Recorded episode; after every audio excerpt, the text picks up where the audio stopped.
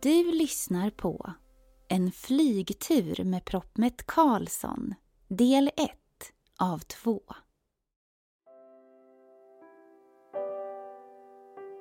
En gång för länge, länge sen fanns en skog så sagolik och fin. Där hände magiska saker på riktigt och inte bara i fantasin. I skogen fanns trollet Proppmet Karlsson och hans nya luftballong som var vit och blå. I sagan du nu ska få höra händer spännande saker som inte alls är hittepå.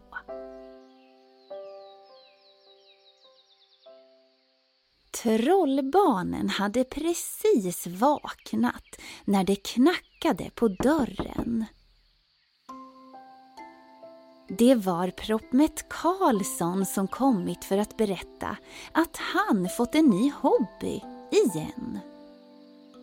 Han talade om att han precis köpt en luftballong och undrade om Sten och Flisa ville följa med på en tur, nu på en gång. Det ville trollbarnen gärna och skyndade sig genast att göra sig klara. Pappa Troll log åt barnen och sa Akta er för draken bara. Vilken drake? frågade Sten oroat. Jo, sa pappa. Det sägs att eh, ovan molnen en drake vid namn Ullman är bosatt. Men det är såklart bara en gammal saga, sa pappa sen. Inget att oroa sig för, lilla vän. Så fick trollbarnen med sig en korg packad med smörgåsar, saft och kakor. Vi ses sen, sa pappa till Flisa och hennes lillebror. Proppmätt Karlsson och trollbarnen lämnade grottan och begav sig mot luftballongen. Trollbarnen var så förväntansfulla och Karlsson själv var också på helspänn. Vad roligt att ni vill följa med mig på första flygturen, sa Karlsson medan de promenerade längs stigen. Solen sken och himlen var klarblå. Vilken underbar dag de skulle få. Efter en stund var de framme vid den enorma luftballongen. Den var blå och vitrandig och satt fast med rep i den stora korgen. De klev i korgen och Karlsson visade trollbarnen hur ballongen fungerade. Ovanför korgen fanns nämligen en sorts brännare och med den ballongens höjd Karlsson justerade. Eldade man mycket lyfte ballongen högre och eldade man lite sjönk ballongen lägre. Proppmätt Karlsson drog i brännaren och varmluft fyllde den stora ballongen. Och snart lyfte den med trollen från marken. De steg högre och högre mot skyn. Och trollen skulle snart få se den vackraste vyn. Sagoskogen nedanför dem blev mindre och mindre ju högre de steg. Detta var verkligen inget man gjorde om man var feg.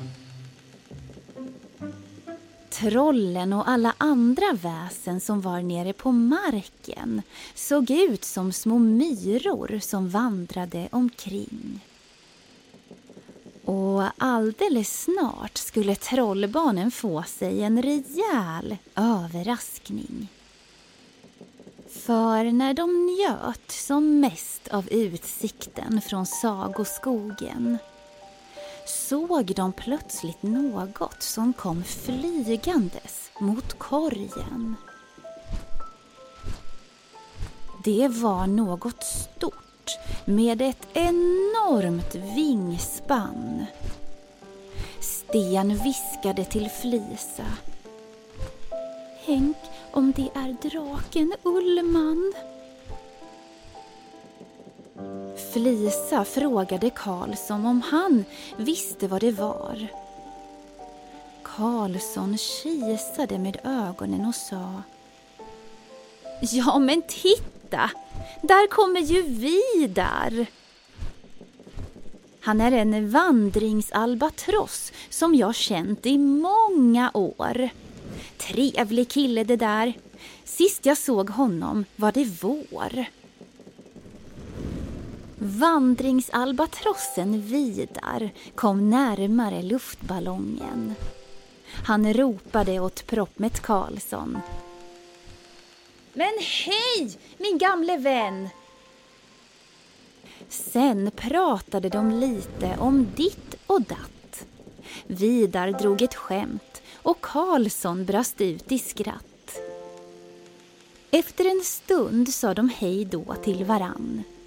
Vidar flög vidare och Sten var glad att det inte var draken Ullman.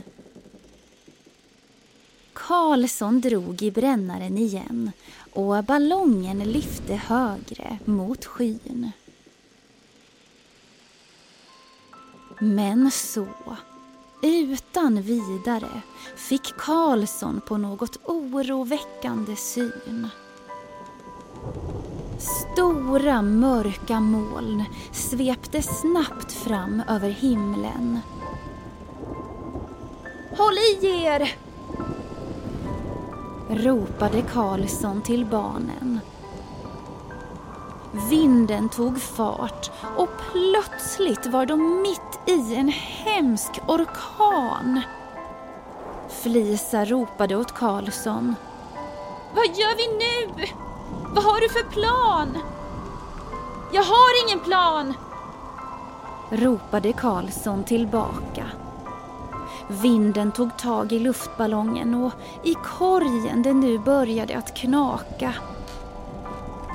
Innan de visste ordet av det hade de färdats högt upp i himlen. De svarta molnen blev fler och Sten var nu så rädd att han höll för ögonen.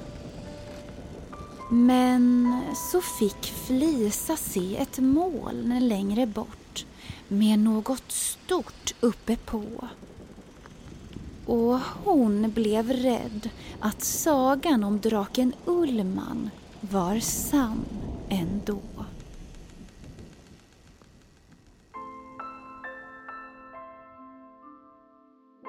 Ni har lyssnat på Sagoskogen. Skriven och producerad av Johanna Blomgren och Henrik Nordgren.